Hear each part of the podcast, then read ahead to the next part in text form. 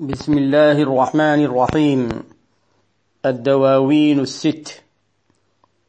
لمولانا وشيخنا شيخ الإسلام الشيخ إبراهيم ابن الحاج عبد الله الكولخي رضي الله عنه. تقديم أبو عركي الشيخ عبد القادر النذير. الحلقة رقم ثمانية وخمسين. صفحة واحد وسبعين من نسخة الديوان الذي نقرأ منه. قال رضي الله عنه ظفرنا بسر قبلنا ليس يحفظ فبحر رسول الله بالسر يلفظ. وقد علم الأقوام أني خديمه المتيم شوقا وده الدهر يحفظ شغفت بحب الهاشمي وإنما أخال سفيها من سواه يغرض فليس كريم يرتجى غير أحمد. وليس مليحا ما سواه فيلفظ وماذا على برهام تام بحبه؟ كريم جميل الخلق ما قط يغلظ فليس علي اللوم في ذكر وصفه. وإن كنت لا أغني فتيلا أقرض فذكري له إكسير كل سعادة. عليه صلاة آخر الدهر تحفظ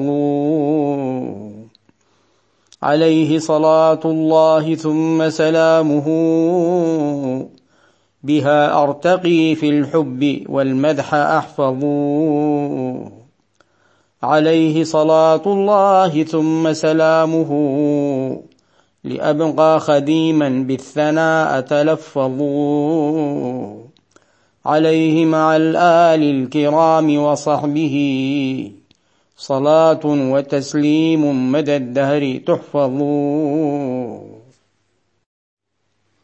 أقول مستعينا بالله سبحانه وتعالى ومستمدا من أبوابه.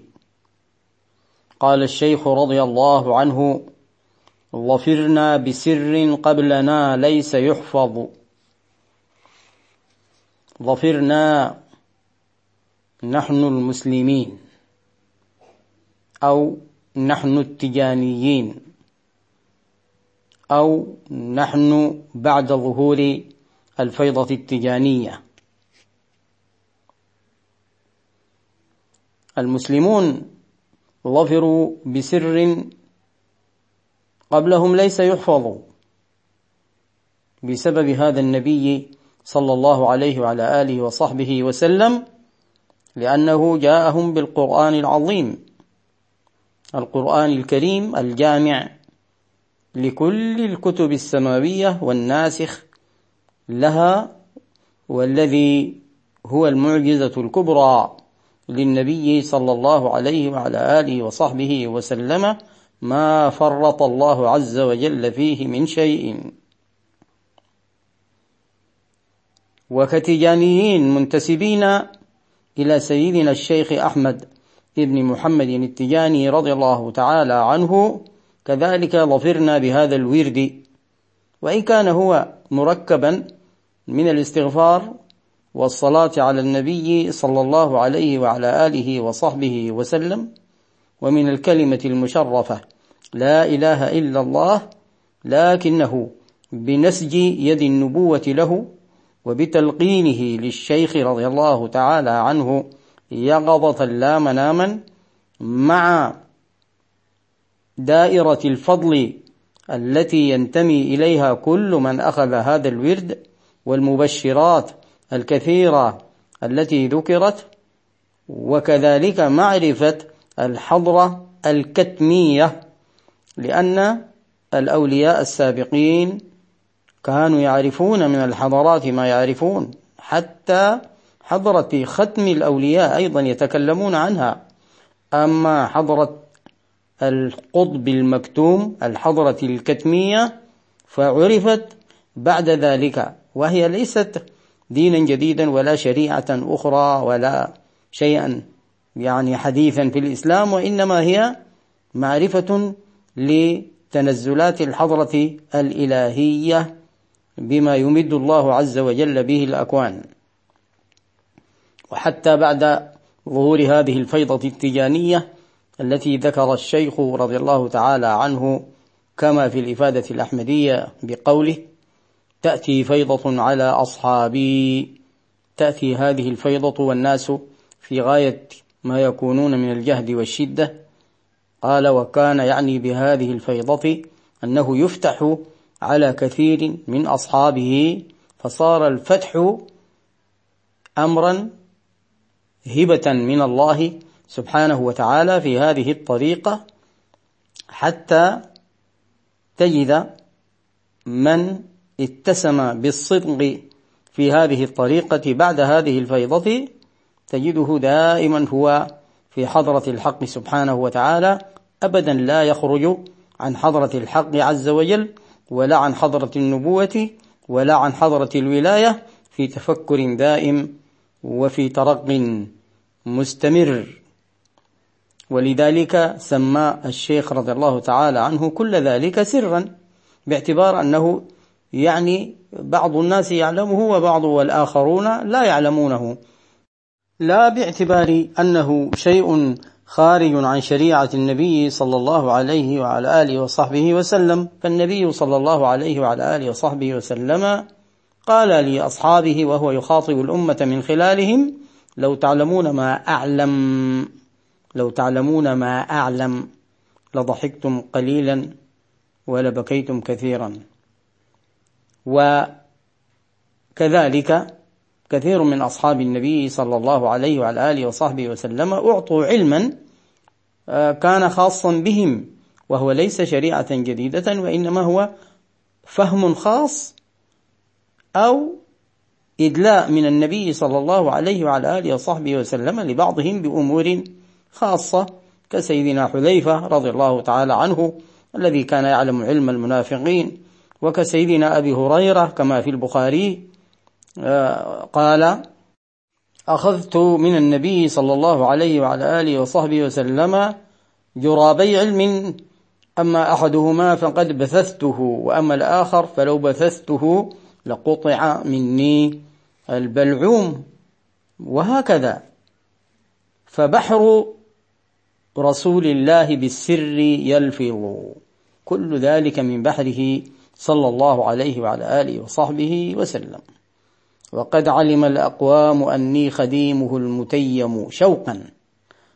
علم الأقوام بقد قد هذه المحققة والمؤكدة والأقوام هنا الأعلام في الولاية العارفون من رجال الحضرة الخاصة علموا أني خديمه المتيم. ولذلك سلموا له. وإن رجال الله دانوا لطاعتي ولي برسول الله درع مغلظ كذلك قال هو. وقد علم الأقوام أني خديمه المتيم شوقا حبا. وده الدهر يحفظ يحفظ وده كل الدهر. شغفت بحب الهاشمي شغفت من الشغف شدة الحب والتعلق. الهاشمي هو النبي صلى الله عليه وسلم نسبة إلى بني هاشم وإنما أخال سفيها من سواه يقرب.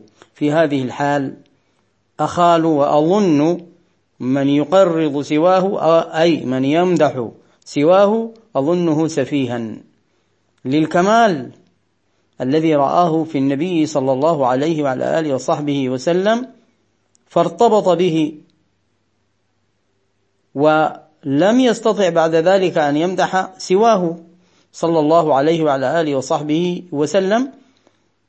ومدح ومدح من ينتمي إليه من حبه.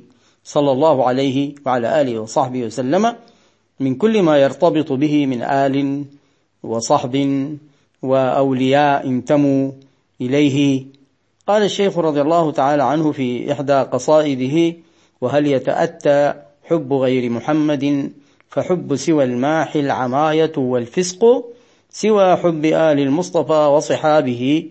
ومن كان صديقا متى حصحص الحق وقوم قفوا منهاج أولاء سرمدا فأمرهم صدق وحبهم صدق إلى آخر الأبيات التي سوف تأتينا في هذا الديوان إن شاء الله تعالى. إذا أخال سفيها من سواه يقرض فليس كريم يرتجى غير أحمد وليس مليحا أي جميلا بالنسبة إليه ما سواه فيلفظ أي يرمى هذا يستثنى منه. ما استثناه الشيخ رضي الله تعالى عنه بنفسه لأنه كله تابع له صلى الله عليه وعلى آله وصحبه وسلم. ولولاه لما كان هؤلاء الذين ارتبطوا به. وماذا على برهام تام بحبه؟ ماذا على برهام؟ برهام هو إبراهيم الكولخي رضي الله تعالى عنه يعني نفسه. ماذا علي؟ كما قال في قصيدة أخرى وماذا علي إن جننت بحبه؟ وماذا علي إن جننت بحبه وقد صار من تحتي وليد وأشمط؟ وماذا على برهام تام أي تتيم؟ بلغ درجة عظيمة من الحب والعشق بحبه صلى الله عليه وسلم لأنه كريم جميل الخلق. ما قط يغلظ لا يغلظ أصلا كما قال المولى عز وجل فبما رحمة من الله لنت لهم ولو كنت فظا غليظ القلب لانفضوا من حولك. فليس علي اللوم في ذكر وصفه. لا تلوموني إذا أكثرت من ذكر أوصافه صلى الله عليه وعلى آله وصحبه وسلم. وإن كنت لا أغني فتيلا. وإن كنت لا أغني شيئا لأني مهما ذكرت من مديحه فلن أغني شيئا من حصيلة ما اتصف به صلى الله عليه وعلى آله وصحبه وسلم. والفتيل ما فتله الشخص بين أصابعه من خيط ونحوه من شيء صغير يعني أي لا يغني شيئا. أقرض يعني حال كوني أقرض وأمدح لا أغني فتيلا. فذكري له إكسير كل سعادة. ذكري للنبي صلى الله عليه وسلم إكسير كل سعادة لأن ذكره وجه إليه الله عز وجل. والإكسير مادة مركبة زعم الأقدمون أنها تحول المعادن إلى ذهب المعادن الرخيصة. إذا ألقي عليها الإكسير وركبت معه ومزجت وخلطت بطريقة ما تحوله إلى ذهب. هكذا كانوا يقولون. فكذلك الذكر هذا ذكر النبي صلى الله عليه وسلم هو الإكسير. الذي يحول حياة كل أحد يشتغل به إلى سعادة. عليه صلاة آخر الدهر تحفظ. وقد حفظت هذه الصلاة فإن مديح الشيخ قد سارت به الركبان في كل أنحاء العالم. كما قال ينور أقطار البلاد ثنائيا.